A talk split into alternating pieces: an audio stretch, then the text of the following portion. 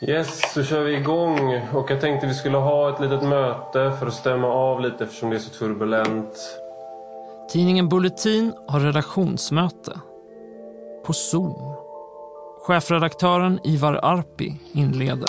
Så ni kan väl göra som vi har gjort vid andra tillfällen, att man, gör, man räcker upp en hand om man vill ställa en fråga.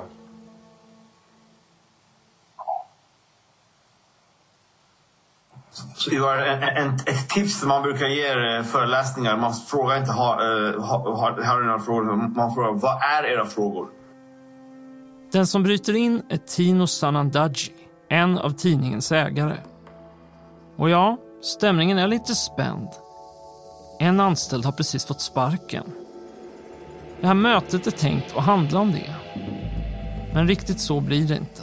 Ivar! Någonting som väldigt många människor har haft frågor om är det här inlägget av Tino som skedde på sociala medier. Där han hängde ut en enskild medarbetare och skrev om inte. henne. Jag vill att ni ska veta att när jag såg det så ringde jag Tino och sa att det här får inte ske. Eh, Och eftersom du ville vara med på det här mötet Tino så säger du nu inför alla att det var precis så det gick till. Och jag hoppas att du i framtiden håller dig för god för att hä- hänga ut enskilda medarbetare. Jag hoppas Ivar att Kan du, du lova aldrig det? ringer mig och Kan du hotar lova mig det? på sociala medier. Det är ett. Kan du jag lova prata? det? Att Nej, du jag lovar inte. Kan du lova det? Prata. Inför nu när vi alla är Får jag här. prata Ivar? Det började så lovande. De hade en vision, de skulle vara något helt nytt. Och de gjorde den mest omtalade tidningslanseringen i Sverige på årtionden. Men nu, mindre än tre månader senare, så låter det så här. Framgent så är det jättebra om den typen av kriskommunikation, att man inte gör, springer iväg och är impulsiv på sina Facebook-statusar oavsett om man är är ägare eller medarbetare. Det skedde aldrig. Det skulle jag gärna Sluta ha någon slags liksom... Sluta snälla ljug. Lojalitetsplikt gäller åt alla håll här. Eh, Det vill säga en enskild medarbetare, en enskild medarbetare som baktalar. Ska du skrika mer eller vill du vara tyst när jag pratar? Vad sjutton var det som hände? Ivar, har du ett ingenpass? Du sitter och avbryter mig varje mening. Det var filibuster du håller på med. Lägg av, låt mig prata nu. Du tror att, tror att de här maktspelen gör dig cool? Men jag tror att ni förstår varandra. Nej. Men- Nej. Ansvarig utgivare, juris ansvarig utgivare. Det är samma sak. Vad händer nu? Vad är det här för någonting? Jag vill veta. Håll dig till fakta, Alice. Jag heter Adam Svanell och det här är Blända, en dokumentärpodd från Svenska Dagbladet. Och du sitter och förvanskar igen och totalt ljuger på våra medarbetare. ser det. Och allt det här kommer jag kunna visa er. Så sluta ljug! Hela den här, allt du sa i den här kedjan, händelsekedjan i princip är lögner. Punkt på punkt på punkt. Sluta ljug! Eller hänga ut enskilda medarbetare?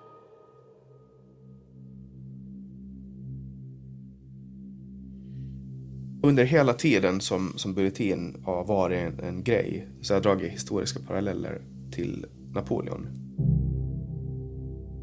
Det här är den åländske journalisten Jannik Svensson. Hösten 2021 blev han erbjuden sitt drömjobb som VD för tidningen Bulletin.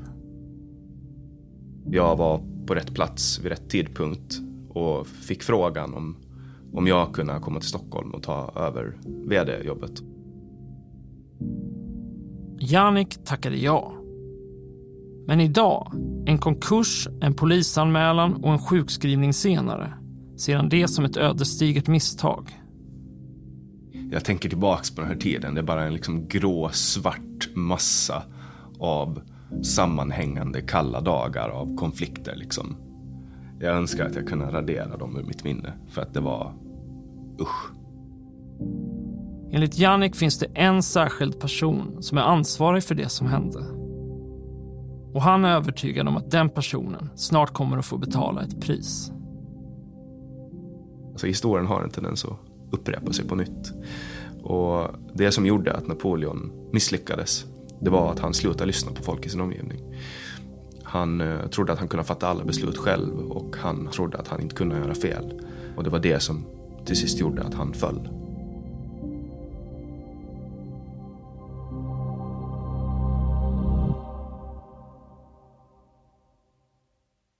Du lyssnar på första avsnittet av Blända. Podden med dokumentärer berättade av Svenska Dagbladets journalister. Den här gången är det reportern Christian Daun som tar sig an tidningen Bulletin.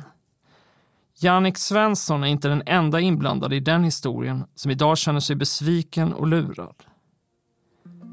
Men vi börjar inte där, utan för 23 år sedan i en föreläsningssal på Handelshögskolan i Stockholm.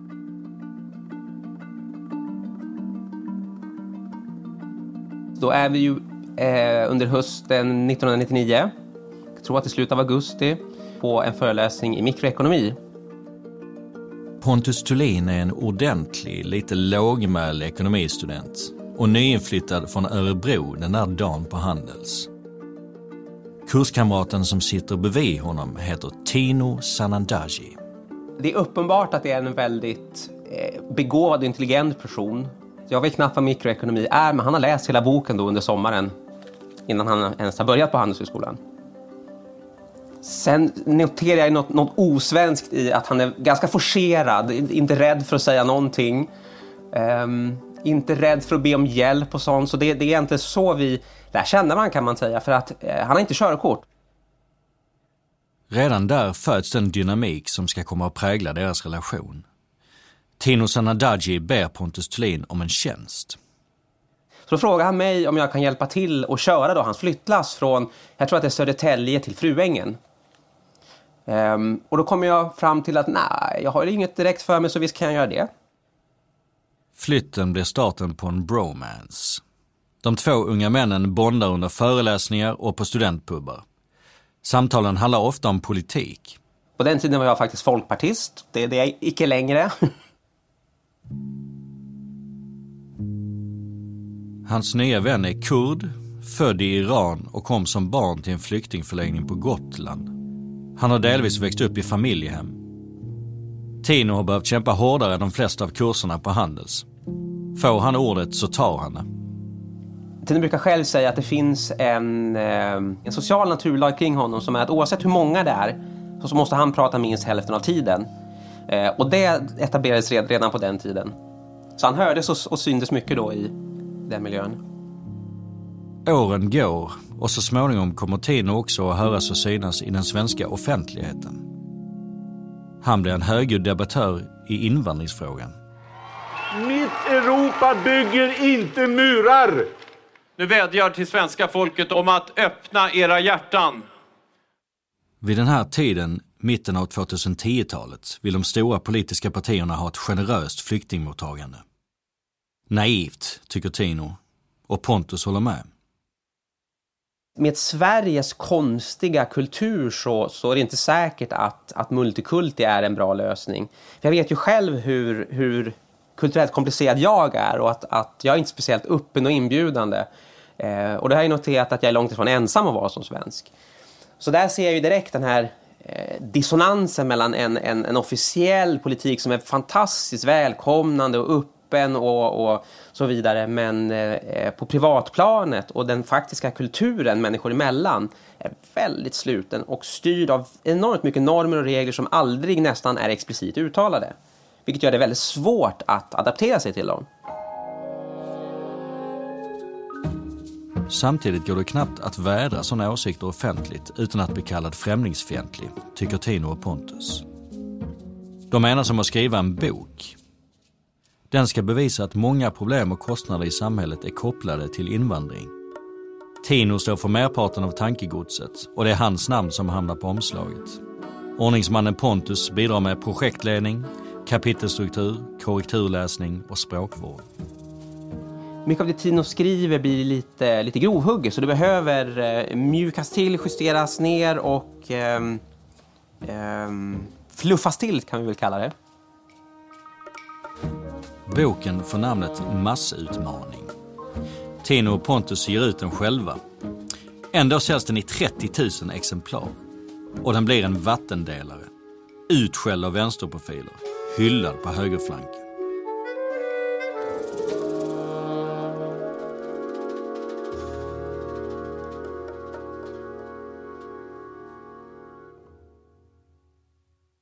Men de två vapendragarna nöjer sig inte där. Hur kan de ta idéerna i boken vidare? En tankesmedja kanske? Nej, ännu bättre, en tidning.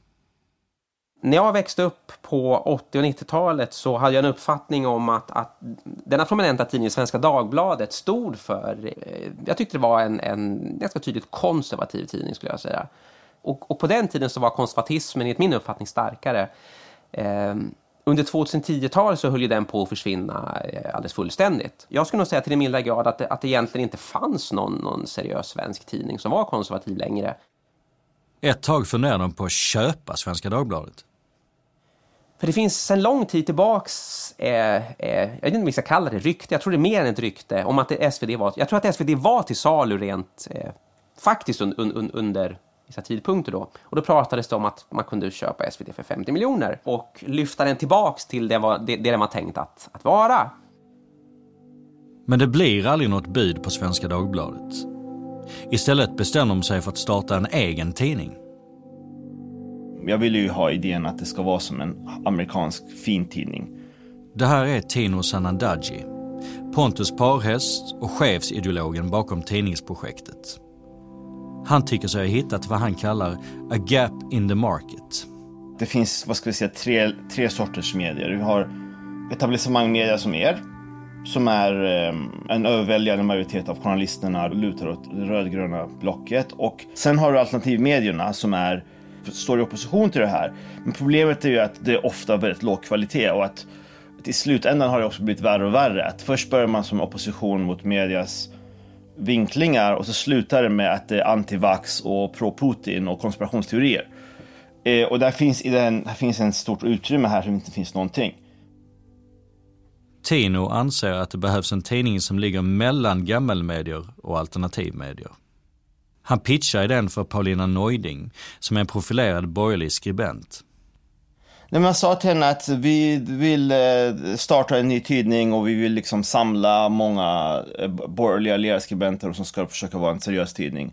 Och min motto då var, klaga inte på media, gör det bättre själv. Även om Tinos ingång är ideologisk är han tydlig med att nyhetsbevakningen i tidningen ska vara saklig och opartisk. Man ska skilja på news och views. Tidningarna i Sverige, även finmedia som DN och SvD är mer tabloider än motsvarande tidningar i många andra länder.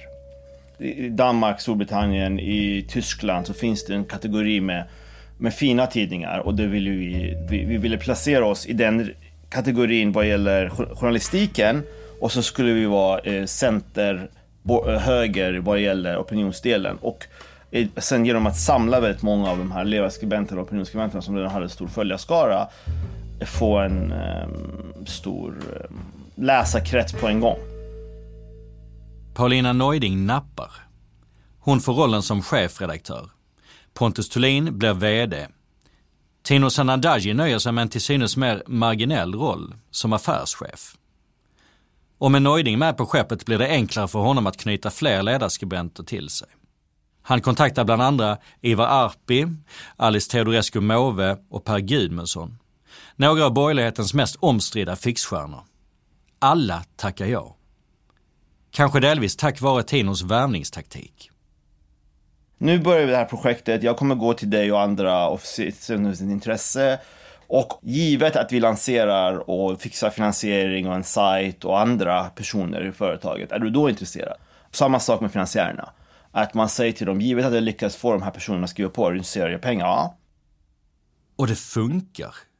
Flera svenska investerare lovar att gå in med pengar.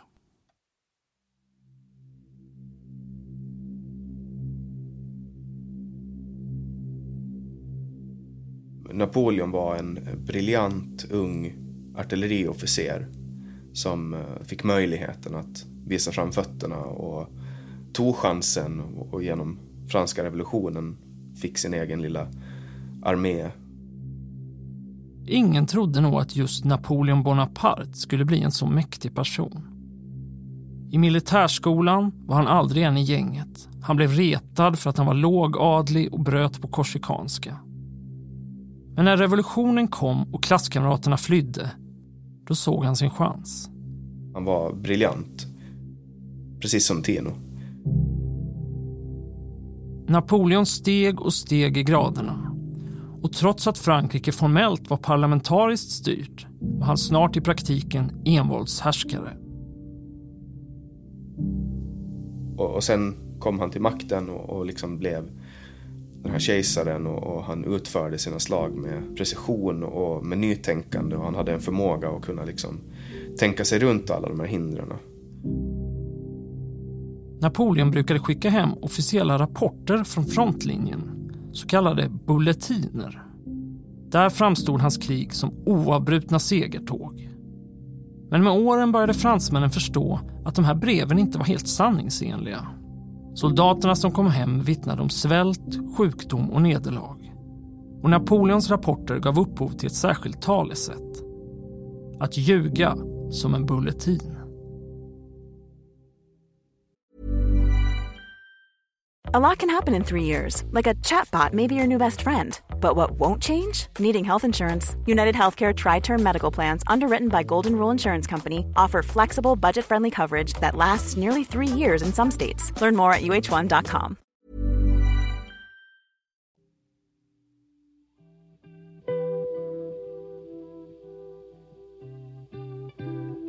Jag blev uppringd i slutet av november 2020 den skånska författaren Fredrik Ekelund, eller Marisol M som han också kallar sig, behöver betänketid när han får frågan om att bli kulturchef på Bulletin.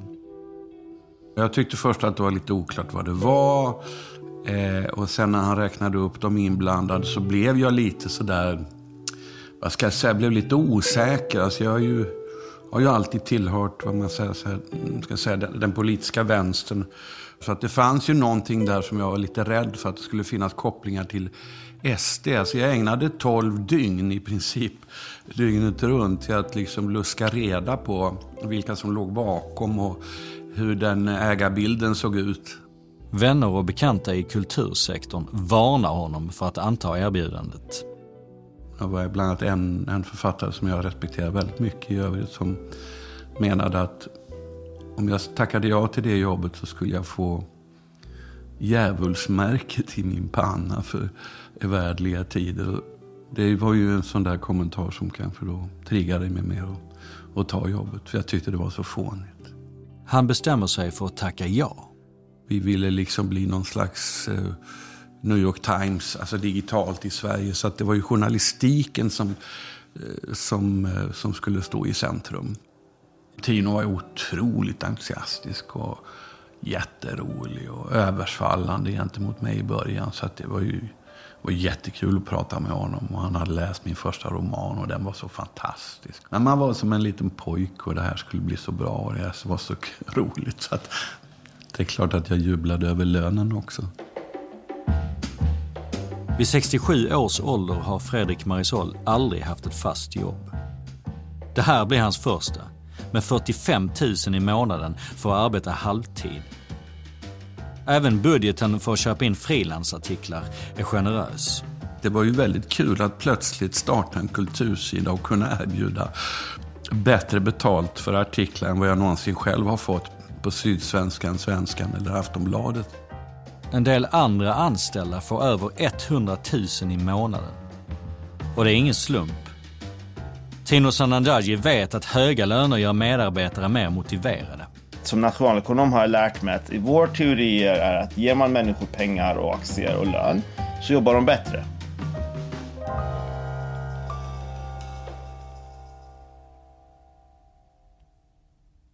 Vi har ju tänkt lansera helt utan att det finns i media, bara en dag så dyker upp den här tidningen. Det tyckte jag var en rolig idé. Men det förstörde dem. Någon läckte i alla fall. Sajten Dagens Opinion är först med att berätta om ett citat hemligt borgerligt medieprojekt. Och de stora tidningarna följer efter. Det hade jag inte räknat med, att det skulle vara så mycket hype. Och sen gör SvD någon story Bulletin ritar om det mediala landskapet. Så det fanns en förväntning även bland övrig media. Men eftersom ingen utanför vet vad Bulletin faktiskt ska bli inleds en febril gissningslek i medierna. De flesta är skeptiska och uppfattar tidningen som ett utpräglat högerprojekt. Magasinet Fokus spår att det kan bli ett svenskt Fox News. Och Vänsterpartiet startar en insamling med rubriken Vi kan överrösta Bulletin. Pengarna ska gå till en egen mediesatsning. På bara några dagar får de in över 600 000.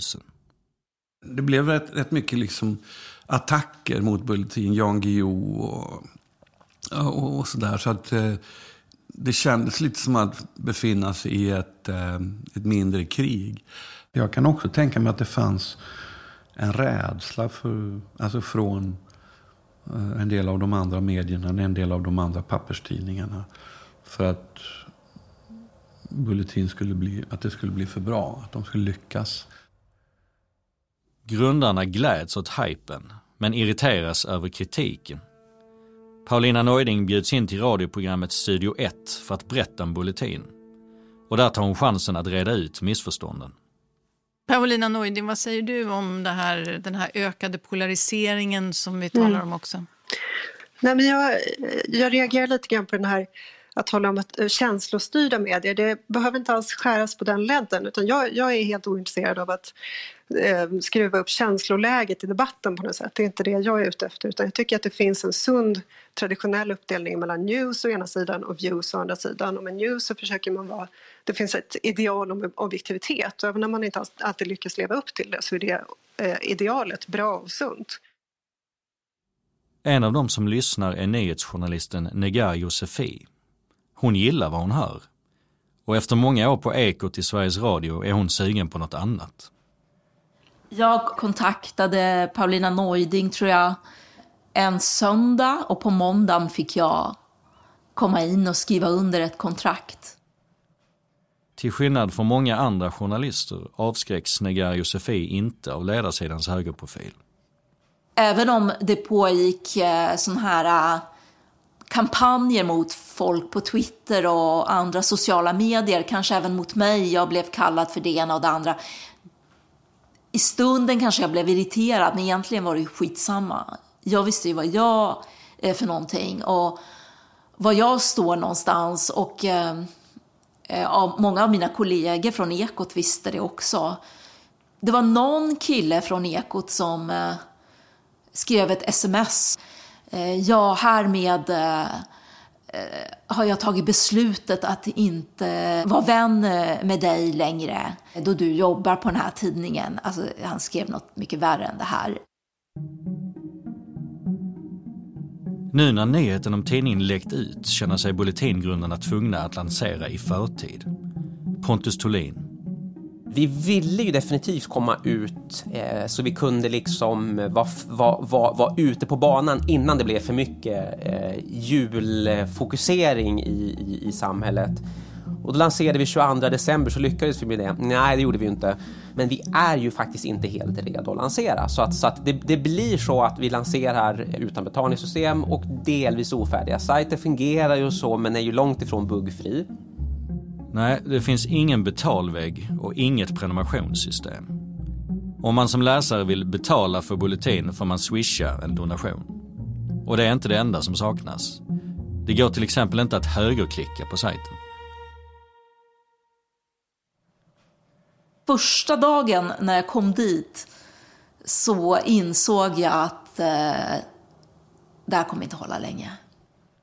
På redaktionen blir Negar Josefi presenterad för nyhetschefen, som ska vara hennes arbetsledare i rollen som reporter. Ändå man har varit i den här branschen så vet man ju, känner man ju till namn och så. Men jag visste inte vem han var. Jag frågade honom, har du jobbat med nyheter? Nej. Har du varit nyhetschef förut? Nej. Var kommer du ifrån? Något F+. Jag bara, vad är F+, för någonting? Och så var det två andra personer som skulle vara nyhetsreportrar. Var kommer de ifrån? F+, också. Jag bara, vad fan är F+. Hon tar upp telefonen och googlar. Där läser hon att F är en sajt som drivs av Svenskt Näringsliv. Hennes nya kollegor säger att Tino rekryterar dem allihop efter att en av dem intervjuat honom till F+. Kontorslokalerna på Östermalm är i övrigt rätt tomma. Det är mitt i pandemin och alla möten sker digitalt. Tino, han är inte ens i landet. Han har nyligen flyttat till Ukraina och deltar i arbetet därifrån. Och trots att det inte är mer än en timmes tidsskillnad mellan Stockholm och Kiev är han sällan i fas med de andra. Jag har någon sorts sömnsjukdom som gör att jag ofta är vaken på nätterna. Och Kiev är ju en sån här stad som aldrig sover. Eh, det gillar jag också. Eh, toaletten på nattklubbar, mycket av jobbet gjort. Då får man gå i toaletten, stänga dörren och prata. Inte heller nyhetsarbetet går till riktigt som Negar är van vid. I alla fall på Ekot börjar man ju med att eh, nyhetschefen kommer in tidigare, eh, kollar av eh, TT, vilka liksom, eh, presskonferenser, om, eh, om regeringen håller presskonferenser, rättegångar, olika beslut som ska tas. Här var det ju liksom, vad ska du göra då? Och vad ska du? Och så man fick liksom göra lite vad man hade lust med. För mig var det liksom så här, ska de ha nyhets... Det ska vara en nyhet, dagstidning. Det här är ju bara, de leker ju tidning. Också snacket kollegor emellan är radikalt annorlunda än på andra nyhetsredaktioner. För jag vet ju hur man jobbar på Ekot. Man sitter liksom inte vid, vid lunchen och säger fan eh, vad dum i huvudet Kristersson var som, som kom, eller han Forsell, vilken jävla pajas han är. Folk är otroligt medvetna om, om liksom vad som ska sägas, att de ska vara opartiska, alltså i, i, i, i, när man sitter i redaktionen också. Här var det så här liksom viktigt att jag skulle sänka eh, sossarna. Eh, Morgan Johansson skulle jag sänka. Eh, vi ska sätta dit Mogge och sånt här liksom. Eh, och så småningom insåg jag att jag var ju ett alibi. De hade inga intentioner att skilja på news och views.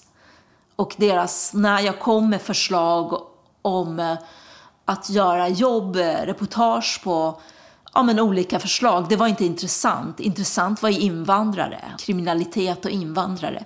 Det var liksom deras, eh, vad de brann för. Även Tino är missnöjd med nyhetsarbetet, men av helt andra skäl. I början av Bulletin hade vi motsvarande 12 heltidstjänster på vår nyhetsavdelning. Jag tror att SVT har 25. Alltså det finns ju ingen som läste Bulletin februari eller, eh, eller januari-mars som kan tycka att det här är en tidning där det har 12 heltidsanställda journalister. Utan det var massa TT-flöden och några, ett fåtal eh, gräv visserligen, men inte, så men, inte alls eh, tillräckligt många för, för den antalet. Och dessutom var det interna bråk. Bråken sker bland annat mellan Paulina och Tino, Pontus och Tino och nyhetsredaktionen och Tino. Det andra problemet med nyhetsteamet det var att de inte var villiga att jobba. Så att jag, Paula Neuding på nyårsdagen 2021 går upp sex på morgonen för att själv skriva nyhetsartiklarna för ingen av journalisterna vill jobba.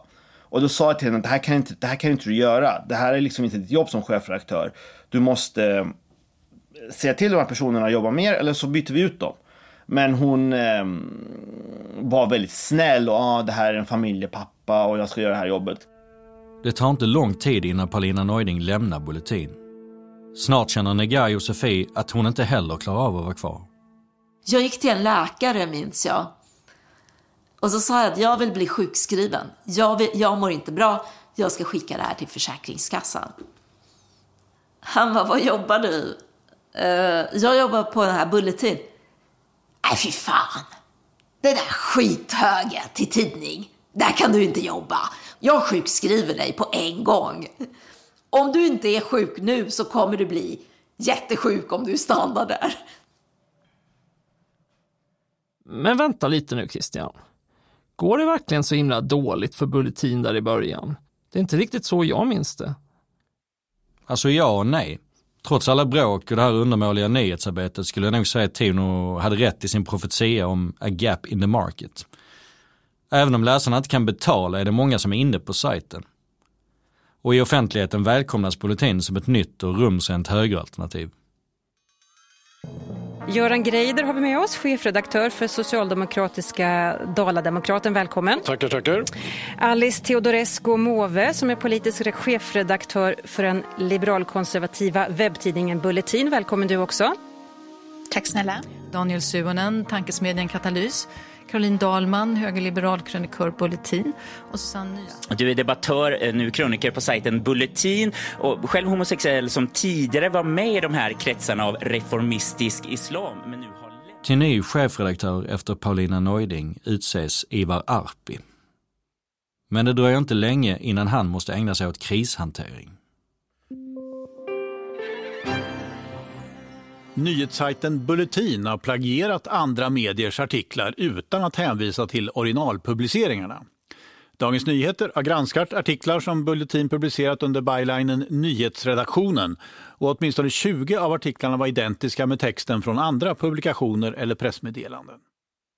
Det visar sig att en av reportrarna på nyhetsredaktionen har copy-pastat in text från alla möjliga håll. Det läcker ut och reportern får sluta. Say hello to a new era of mental health care. Cerebral is here to help you achieve your mental wellness goals with professional therapy and medication management support. 100% online. You'll experience the all new Cerebral Way, an innovative approach to mental wellness designed around you. You'll get a personalized treatment plan from a therapist, prescriber, or both in a safe and judgment free space. Your Cerebral therapist or prescriber will outline a customized plan with clear milestones along the way so you can get to feeling your best. With Cerebral, you're not alone in your mental health journey. We're here to empower you to live a fulfilling life. So take that first step towards a brighter future and sign up today at cerebral.com slash podcast and use code ACasts to get 15% off your first month. Offer only valid on monthly plans. Other exclusions may apply. Offer ends July 31st, 2024. See site for details.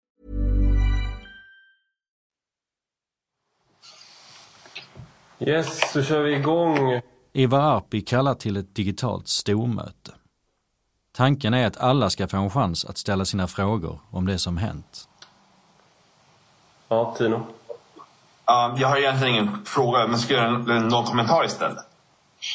För det första är det så här att det är alltid tråkigt om folk slutar. Å andra sidan så kan det vara positivt om folk slutar och då får bulletinen av fel anledning.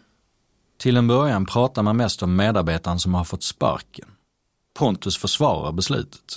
Alla ni som är erfarna journalister eh, tyckte att mm, det fanns vissa problem i nyhetsredaktionen och många av er har hört av, hört av er till mig och sagt att det här med plagiaten, det här känns det här är, o, det är obehagligt. Kan man, vågar man liksom eh, dela ens bulletin när sånt här pågår? Man måste ju dra upp en sån här eh, eh, eh rutten rot så att säga, no, no, no, förr eller senare. För att annars så sprids ju det här.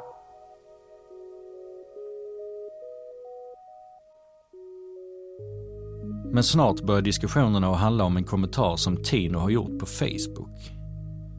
Där skriver han att plagiatskandalen är pinsam och att han varnat för risken med oerfaren personal. Dessutom nämner han saker om den sparkade reportern som kanske skulle kunna röja vem personen är. Ivar Arpi tycker inte att en tidningsägare ska göra så mot sin personal. Tino har, kanske inte helt oväntat, en annan uppfattning. Det jag skriver på min Facebook i egenskap av en medborgare, en, som en skribent det, och, och som ägare, det, det, är min rättighet. Det är nummer ett. Det är väldigt olämpligt beteende att försöka ha den här tystnadskulturen. Det är de här beteendena som har lett oss till den här konflikten. Det är den här internkulturen. Tysta folk, inte följa sanningen, inte följa euro. Och halvlögner och så en massa social ryktesspridning bakom scenerna. Du har inte rätt som chefredaktör bara att du inte vill ha mig här för att ni ska kolla på smy smusslar whatever. Eller hitta på påhittade regler. Okej? Okay? Okej. Okay. Okej? Som frågar vad, som hände då? Nu får du vara tyst. När jag försökte stoppa det här. Nu får du vara tyst nu. Nu får någon annan komma in. Nu får någon annan komma in. Jag bestämmer inte det Ivar. Jag bad dig inte avbryta Jag bjöd in till det här mötet. Vill du, bli, vill du bli utslängd från mötet eller vill du vara kvar? Du får lära dig att vi frågar ordet. Håller du på med de här barnsligheterna? Nej men allvarligt talat, någon annan får prata. Egentligen handlar konflikten inte bara om Facebook-inlägget. Ivar Arpi och fler med honom menar att Tino tar sig för stora friheter. Lägger sig i sånt som man inte har med att göra. Som att rekrytera eller sparka personal och tycka till om vad som publiceras. Så här är det. Om man är, när redaktionella beslut fattas av redaktionell personal, ingår du inte i redaktionen så fattar du Jag är redaktionell personal. För det, jag bad ju dig hålla till fakta. Ja. Ni, ni kan inte ha påhittade regler Och sen då förvirrade regler som Pontus var på, på Så du, kommer, du, kommer, att vara...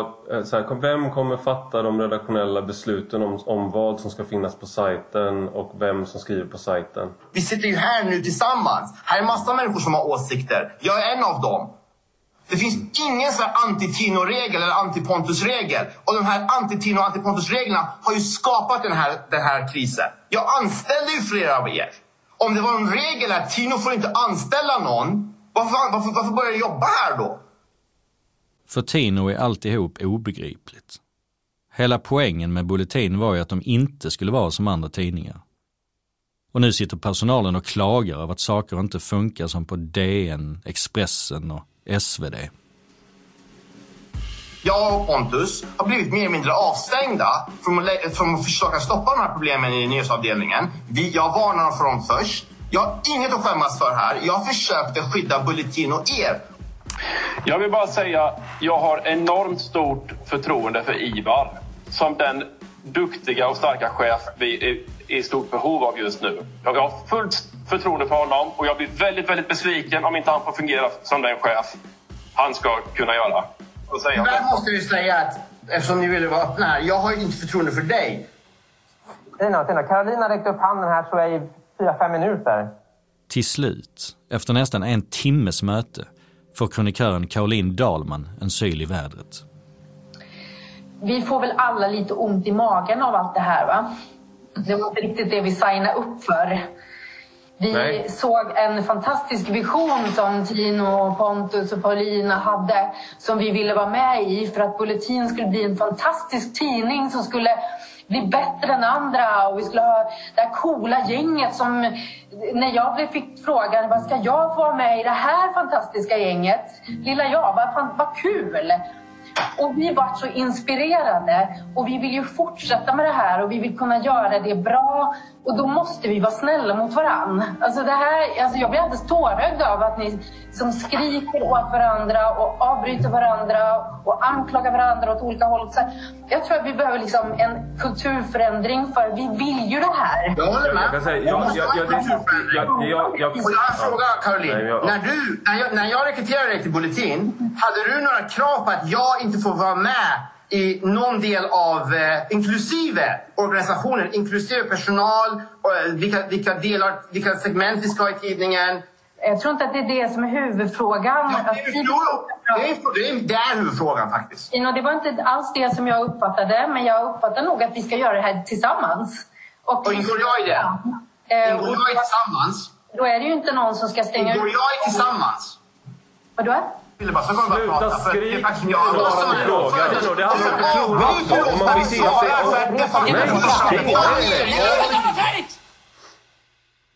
Nästa dag kallar ägarna till ett nytt stormöte. Den här gången utan Tino. Och nu går det lugnare till. Ett tag. De första dagarna. Det är inte poängen här Ivar. Poängen var att jag hade fått delegeringsuppdraget av Paulina. Sluta unmuta mig som någon jävla diktator. Efter mötena skriver Tino ett nytt Facebook-inlägg.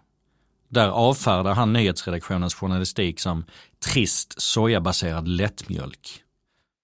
Han anklagar också Ivar Arpi för att slira, ljuga och vara olämplig som chef. Ungefär samtidigt läcker inspelningar från stormötena ut till medierna. I tidningen Journalistens artikel står det att Tino Sanandaji skriker osammanhängande. Stämmer inte. Jag skrek inte och jag skrek absolut inte osammanhängande. Jag tror att om någon bara tar de här fyra timmarnas möten och tittar på dem och de kommer med, vi inte, man får inte alls en dålig bild av oss tror jag. Vi var resonabla, försökte vara kompromissinriktade, försökte lugna ner dem och hade logiska motargument. Eh, vad ägarens roll är i en tidning och så vidare. Eh, Medan de här, ett fåtal av de här stjärnorna var oresonabla. Men det här var ju förevändningar, för de ville bara få bort oss. Tino är övertygad om att Ivar Arpi och de andra vill kuppa ut honom och själva ta makten över Bulletin. Ingen av dem han anklagar har tackat ja till att medverka i den här podden. Men om de verkligen vill ta över tidningen våren 2021 så misslyckas de. Kort efter mötena väljer sju medarbetare istället att sluta. Bland dem finns Ivar Arpi, Alice Teodorescu Måwe, och Fredrik Marisol. Tino, eh, alltså han, det, det gick liksom inte riktigt att kommunicera. Han blir ju arg så fort. Där, eh, den kontakten bröts efter den där konflikten. Jag kände att det var ingen mening att kommunicera med honom. Han, han lyssnade inte.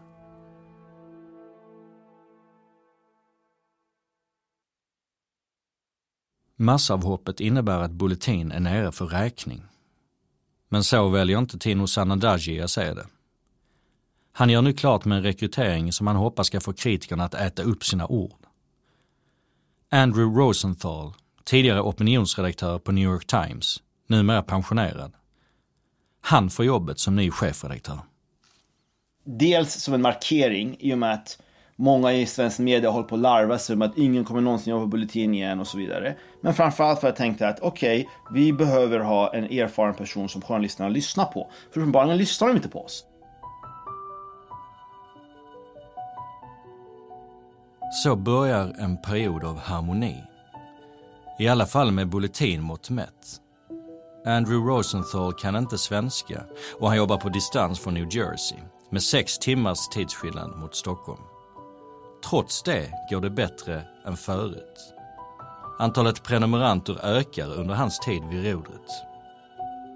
Pontus Tolin ska i efterhand minnas detta som den ljusaste tiden. Framåt sommaren lättar pandemirestriktionerna. Tidningen har skaffat nya lokaler på Kungsgatan. Och för första gången finns redaktionsvardagen inte bara på Slack och Zoom. På baksidan som blir Brunnsgatan så ligger eh, Gute restaurangen då. Så där, det vart stamställe, så där åt vi väl ja, ett par dagar i veckan. Det är som att småprat gör sig inte riktigt virtuellt.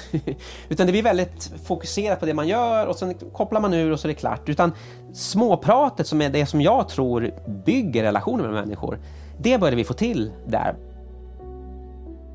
Tack vare den nya adressen kommer nyhetsredaktionen dessutom över något av ett scoop. Vi var ju bredvid Sveriges första McDonalds. Och eh, därför var vi först att skriva om när den, lades, när den lades ner. Det stod i och för sig i fastighetsvärlden men första mm, fyra dagar före Aftonbladet i alla fall. Så åtminstone de scoop som hamnar, faller rakt ner på knäna har vi lyckats få. Men Pontus blir efterhand mer och mer tveksam till den nya chefredaktören borta i New Jersey. Med facit i hand så är det väldigt naivt att tro att bara för att vi tar hit någon som har varit tongivare inom New York Times så kan vi säga att, att, att ja, nu är Bulletin New York Times. Han har en enorm kostnad och ställde till, ja, jag skulle nog säga, mer, mer, mer problem än han gjorde nytta. Och vilken, det, och, vilken sorts problem? Alltså det är lite som att eh, vad ska man jämföra det med? Som att, som att liksom fjärrstyra en Formel 1-bil på andra sidan jorden och tro att man då ska kunna manövrera i kurvorna och köra om de andra. Hur, hur, är det ens möjligt? Nej, det går inte. Du måste ha en viss lokal förankring i det här. Du kan inte vara chefredaktör genom Google Translate. Mot slutet av den sommaren börjar Pontus dessutom se ett helt annat hot mot Bulletin. Pengarna är slut. För då är vi uppe i minst 3 miljoner kostnader per månad. Sen tar vi in den här Andy Rosenthal. Och med hans ersättning så plus att vi gör en del andra expansioner. Vi ska göra den här, ehm, det som är tänkt att bli en tv-serie där Hanif Bali och Jan Emanuel Johansson ska prova nya bilar.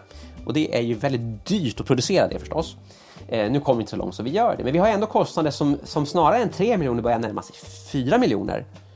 Och intäkter på kanske ja, 200-300 000. Vad är det ni inte ens om du Tino? Det som händer är att Tino tycker att vi bara ska eh, intensifiera eh, försöken att få in mer riskkapital. Och att vi kanske ska prata väldigt lite om den faktiska situationen vi har och prata om visionerna igen. Då tycker jag att nu börjar vi få så mycket faktisk data här så att det är inte helt och hållet heligt att göra det.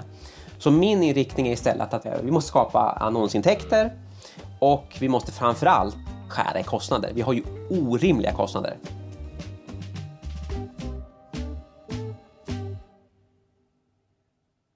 Men enligt Pontus vägrar Tino lyssna. Under sommaren anordnar Bulletin en fundraiser dit de bjuder in tänkbara investerare. Det är en skärgårdstur med öl, vin och ångbåtsbiff. de som uttrycker ett intresse som närvarar eh, och deltar i den här båtfärden, eh, de vill ju helt enkelt se, ja, hur ser redovisningen ut? Och den har jag inga problem med att visa. Eh, Tino tycker inte att man egentligen ska fokusera på den. Han vill helst inte visa den alls. Och det ska ju sägas att vi pratar ju inte om ekonomi så mycket på den här turen. Eller egentligen, officiellt pratar vi inte alls om det. Men på tu man hand så blir det väldigt mycket ekonomiskt prat. För det är det, det, är det som Alltså de som investerar pengar är ju inte födda i farstun i att, att det, är ju, det är ju väl känt vilka löner som har uppburits av, av personer som Ivar Arpi, Alice Teodorescu och, och, och, och Per Gudmundsson fortfarande. Och vi berättar hur många prenumeranter vi har. Så det, det är idén om att, att man ska kunna bortförklara det här på något sätt, det går, det går ju inte. Utan vem som helst inser att men det här går inte ihop. Han ljuger. Eh, vår ekonomi var inte så illa. Jag, jag tonar inte ner någonting. Jag är extremt öppen och kvantitativ med alla siffror. Det andra är också att Pontus kunde aldrig förstå att vi är en startup. En startup som ett tillväxtföretag är del av affärsmodellen att man går inte med vinst de första åren. Det här gör tusentals företag. Det finns inget konstigt med det, men hans psykologi klarar inte av det. Pontus är inte bara orolig för Bulletins framtid, utan också för att han själv ska bli återbetalningsskyldig. En söndag i september avregistrerar han sig som firmatecknare. Han hoppas att det inte ska vara några hard feelings och att han kan fortsätta göra en del jobb för tidningen ändå. Men eh, det blir så mycket eh, ont blod som väller fram på andra sidan så att eh, den, om vi kallar den nya ledningen då väljer helt enkelt att, att eh, låsa ute mig. Eh, jag tror det är 3 oktober så har jag inte access till någonting längre. Inklusive det, det, det fysiska kontoret.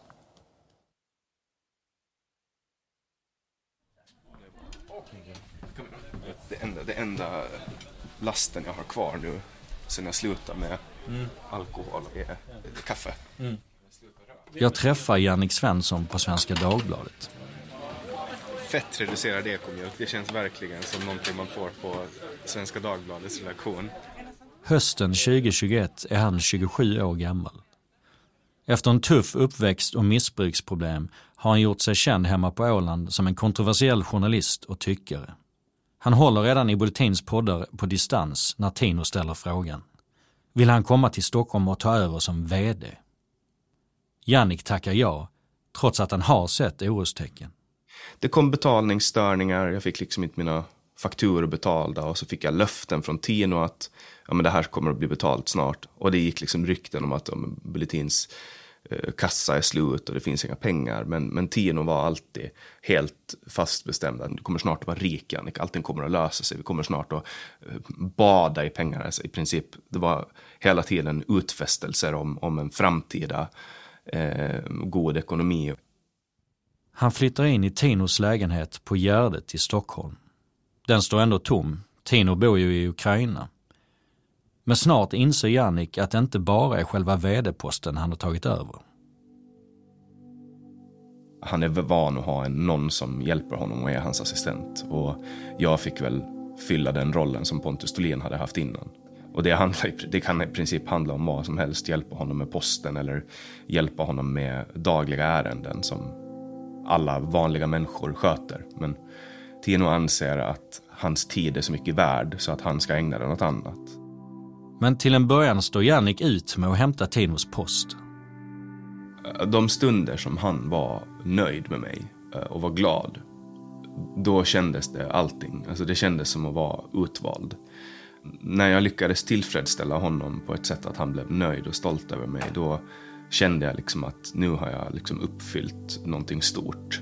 Och att liksom strida vid samma sida som honom är väldigt tacksamt för att man när fienderna hopar ihop sig runt den eh, så får han en att känna moral, stridsmoral. Liksom. Man, man känner att fan, man klarar vad som helst.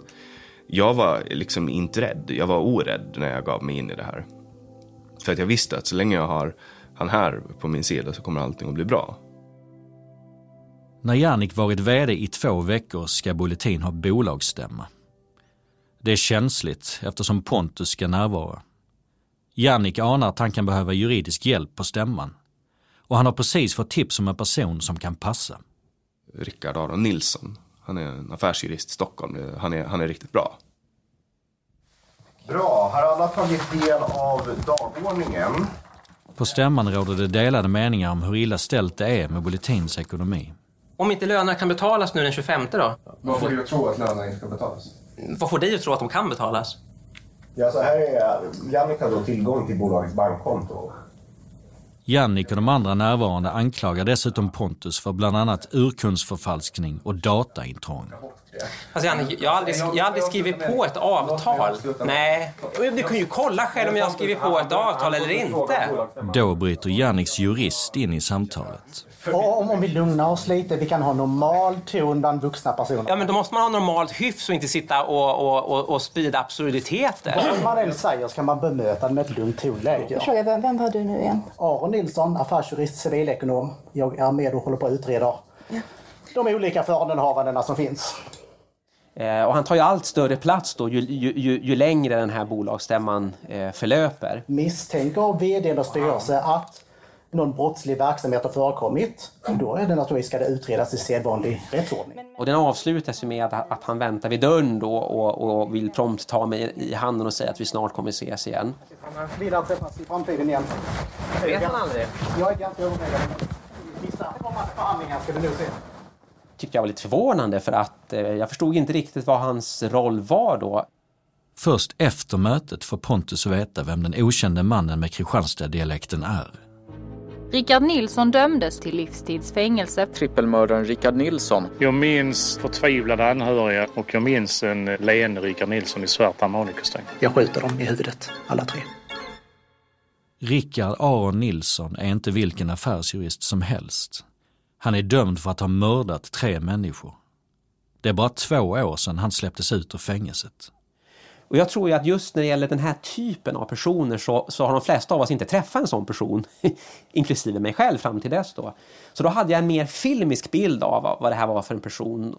Och därför så tror jag det blev lite av en överreaktion, för jag var, jag var helt vettskrämd i en veckas tid faktiskt.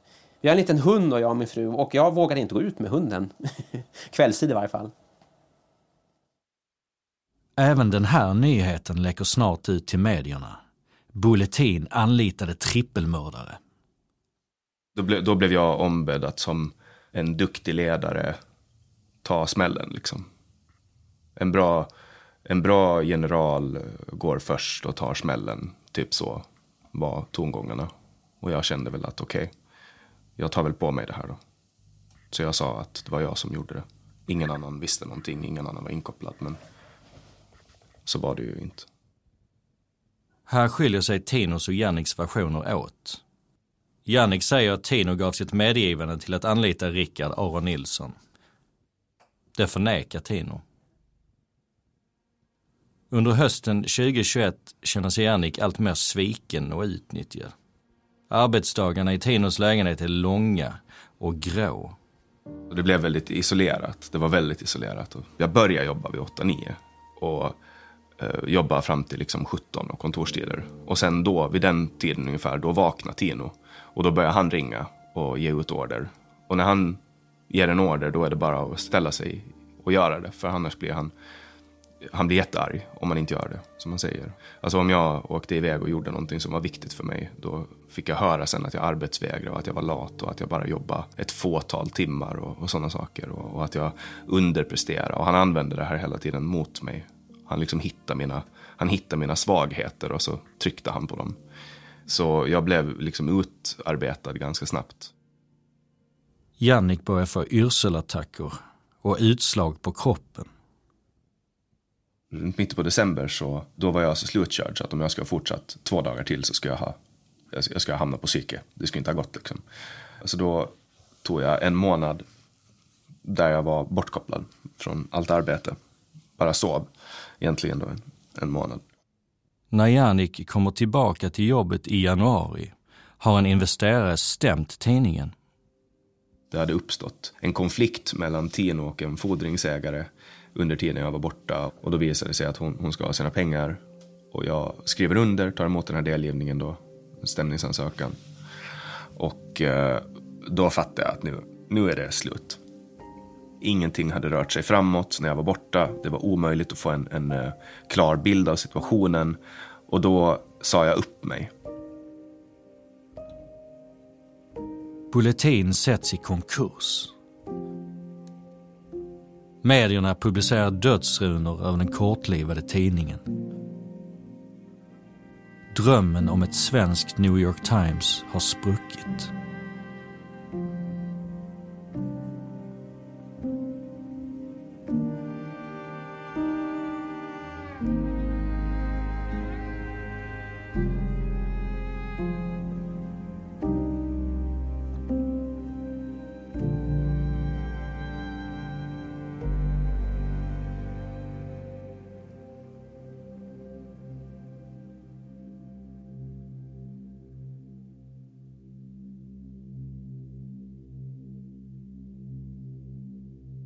Napoleon var liksom, han hade också en förmåga att alltid landa på fötterna. Ju längre Napoleon styrde, desto mer maktfullkomlig blev han. Och det var allt svårare att hitta soldater till alla krig där franska män offrades som flugor. Till slut vände sig hans vänner mot honom. Den ryske tsar Alexander, Sveriges kung Karl XIV Johan och till och med Napoleons egen svärfar, kejsare Frans av Österrike. De gick samman, angrep honom och vann. Han blev avvisad, eh, eller försatt i exil då, och skickad till Elba, där han satt i arrest. Nyss hade han haft makten över större delen av Europa. Nu satt Napoleon på en avlägsen ö med bara några få trashankar till soldater kvar. Han var utblottad och uträknad.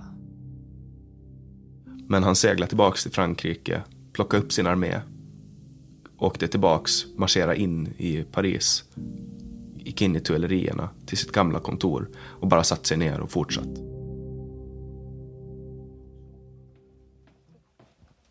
Sen på framtiden så vill ju jag att fler ska komma till kontoret och vi ska expandera. Så då vill jag ha det här rummet. I kontorshotellet på Kungsgatan visar Tino upp ett ljust rum på omkring 50 kvadrat. Här hoppas han att Bulletin snart kommer att sitta. Det är mycket grönt, bra ljus. Jag gillar det gröna förstås. Det är avslappnade och... Sen har du en röd fin eh, kylskåp här. Jag har tittat i den så jag vet vad som finns. Tino går vidare in till ett annat rum på ungefär 10 kvadrat. Här har Bulletin sin redaktion idag. Det ryms knappt två skrivbord. Eh, en kort period eh, så hade vi de där rummen bredvid där och rummet längst bort. Det var under den perioden när det var som egentligen som bäst. Mm. Tre veckor efter Bulletins konkurs lämnade konkursförvaltaren ett oväntat besked. Bulletin hade en ny ensam ägare. Tino Sanadaji. Han ansågs vara den bäst lämpade kandidaten att köpa konkursboet. För när jag insåg vad en konkurs gör så är det bara att det regnar pengar över dig. Eh, skulder försvinner, skatteskulder försvinner och ehm, då får du ta över för alla tillgångar men skulderna är borta. Det gjorde ju att Bulletin faktiskt är nära nu att gå break-even men å andra sidan med en mycket, mycket mindre läsarkrets Inget av affischnamnen som var med vid lanseringen är kvar. Men ska man tro Tino är framtiden för Bulletin ljus. Vi har erfarenhet, vi har ändå byggt en läsarkrets, vi har stärkts i Google och så vidare. Jag menar, idag länkade Expressen till oss för någon story. Det har inte varit ett förlorat år. Hur kommer rekryteringsstrategin se ut nu framgent? Vi vill inte ta in lika många superkända personer som är redan väldigt etablerade. Eftersom det är svårt att ha dem i samma tidning. Och sen är det så att har jag pengar, om jag nu får en stor påse pengar, då finns det fortfarande en massa A-listare som vi inte har tagit oss igenom eller som är intresserade av att komma tillbaka. Eh, framförallt tror jag att en del kommer komma tillbaka också när de ser att det är stabilt. Men i skuggorna slipar hans forna kumpaner knivarna. Pontus Thulin har överklagat beslutet att låta Tino köpa konkursboet. Det är den typ av eh, sätt att leda bolaget som Tino har förespråkat som är orsaken till att bolaget har gått i konkurs. Och att man då som konkursförvaltare kommer fram till att, att det är viktigt att verksamheten lever vidare och därför så ska vi överlåta den till den som inte klarat av att leda verksamheten. Det är ju en eh, logisk kullerbytta för att uttrycka sig milt. Och hur bedömer du Bulletins chanser att resa sig på nio eller överhuvudtaget egentligen? Ja, om, om, om vi betraktar det Bulletin som idag finns då på den här sajten som heter bulletin.nu så ska jag säga att det är asymptotiskt mot noll. I det mån man tänkte att den skulle vara en, en röst för den goda borgerligheten så skulle jag säga att eh, jag tror vänstern har champagnefrukostar, eh, eller champagneluncher varje fredag nu. För det här är, det här är en skänk från ovan. Det här är ju ett haveri som man bara kan skratta åt och på något sätt eh, gemensamt snittra åt hur dålig svensk borgerlighet är på opinionsbildning, inte minst i media. Det är en katastrof. Och vad gäller det och, och din gamle kompis, har, har ni någon sorts framtid? Nej, jag har nog svårt att se det tyvärr. Jag vet inte hur många polisanmälningar Tino har sett till att, att eh, jag har fått på mitt samvete. Inte för att jag någonsin har hört av någon rättsvårdande myndighet för den delen. Så jag, jag tror det mesta är bara avfärdat som nonsens, som det nonsens det är. Eh, men det skulle jag ju vilja ha en, en ursäkt för. Jannik Svensson polisanmälde nyligen Tino för olaga hot, ofredande, utpressning och förtal. Hans juridiska ombud, Rickard A Nilsson, har också gett honom rådet att ansöka om kontaktförbud mot Tino. Jag ville inte polisanmäla det. Jag ville bara få bort allting och jag skrev till honom att snälla kan vi bara lösa det här på något sätt? Kan vi bara fixa det här? Jag, jag vill bara bort nu. Jag vill bara vara i fred. Men han lämnar mig inte i fred. I polisanmälan beskriver Jannik det som att Tino, citat, tagit sig in i hans huvud. Jag upplevde en stark kognitiv dissonans när jag insåg hur det å ena sidan låg till, men å andra sidan hur Tino sa till mig hur det låg till. Det pågick en, en, en manipulation hela tiden. Och när jag inte liksom kunde placera vad är verklighet, då i det konfliktytan när de två verkligheterna gneds mot varandra så uppstod väldigt mycket ångest och, och också panikångestattacker. Mm, jag är inte arg på Jannik, jag förstår att han inte mår, han mår inte bra. Så att jag har tagit mig in i hans huvud och sådär. På sätt och vis var det ju inte bra att hans situation han hamnade i. Han var ju eh, recovering alkoholist och eh, har haft eh, problem med sitt psykiska välmående. Vi frågade ju honom, klarar du av det här Jannik? Och då sa han, ja det klarar jag. Men med tiden eh, och ganska snabbt också den här, den här pressen med Bulletin att vi båda har konkurs, vi har de här eh, Pontus och de här advokaterna som jagar oss, konstanta attacker i media. Och eh, han blev gradvis sämre. Så där har ju vi ett visst ansvar, vi satte honom i rollen, även om han själv ville. Men att han skulle ha hotat eller utpressat Jannik håller Tino inte med om. Ja, Jannik tog jobbet så lånade han 47 000 kronor av mig privat. Senare så bad jag om de här pengarna tillbaka. Då vägrade han återbetala mig. Eh, och så ljög han också och sa att han inte hade fått några pengar från konkursboet, vilket han hade. Då, skickar, då börjar Janniks, eh, den här trippelmördaren skicka mail till mig och säga att det är jag som företräder Jannik. Och om du kräver tillbaka de här lånet, då kommer jag polisanmäla dig för utpressning och olaga hot. Så det är inte olaga hot att säga till någon, ge tillbaka mitt lån, annars kommer jag dra det här till Kronofogden. Tino avfärdar i princip alla anklagelser som Jannik, Pontus och andra tidigare inblandade i Bulletin riktar mot honom. De har gjort 20-30 anmälningar mot oss mm. till alla möjliga myndigheter. Bizarra anmälningar. Det finns liksom ingen, ingen, substans i dem överhuvudtaget. Men man, man gör det här för att skada. Jag, jag snackar ju med Pontus Thulin också. Finns det ett scenario där ni liksom blir goda vänner igen och vad skulle krävas för det? Det, det skulle väl krävas att han eh, erkänner eh, att han har ju försökt att ljuga om mig offentligt för att skada. Det, det, det tycker jag han ska gottgöra. gott göra. i princip från början så börjar han försöka med intriger för att ta över företaget och liksom klättra på de andras bekostnad, men framförallt min. Och till slut så börjar han göra en extremt scourged earth-taktik att gå ut smutskasta, inte bara mig utan även andra personer i fientlig media. Och det har ju varit katastrofalt för tidningens varumärke och min varumärke. För att eh, media förstås, de hade ju aldrig kommit åt mig med fakta i invandringsdebatten. Här såg de sin chans med någon Amber Hearst-liknande drama och persondrama och smutskasta mig och liksom det är pinsamt och det går inte att försvara sig mot det.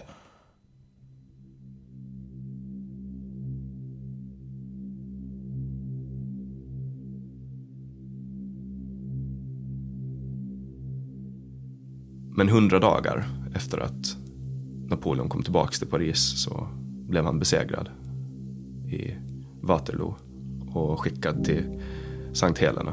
Och därifrån kom han aldrig. Han klarade inte av att, hålla i makten för att han, han begick för många misstag. Eh, och jag tror att det är någonstans där Tino kommer att misslyckas också. Så, hundra dagar. När den här podden släpps har det gått 95 dagar sedan Tino köpte Bulletins konkursbo.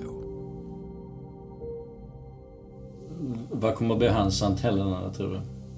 Jag tror att hans Sankt Helena kommer att vara personlig konkurs. Förödmjukelse. Han kommer att få lära sig den hårda vägen att driva företag är inte ett spel. Utan det är människor med familjer, människor med känslor, investerare med pengar, surt förvärvade pengar som de har kämpat för, som förlorar. Han kommer att skylla på mig. Han kommer att skylla på Pontus Tholén.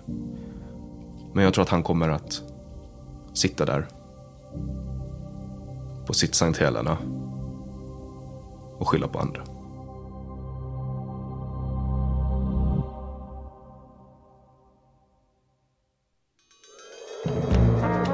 Du har lyssnat på första avsnittet av Blenda.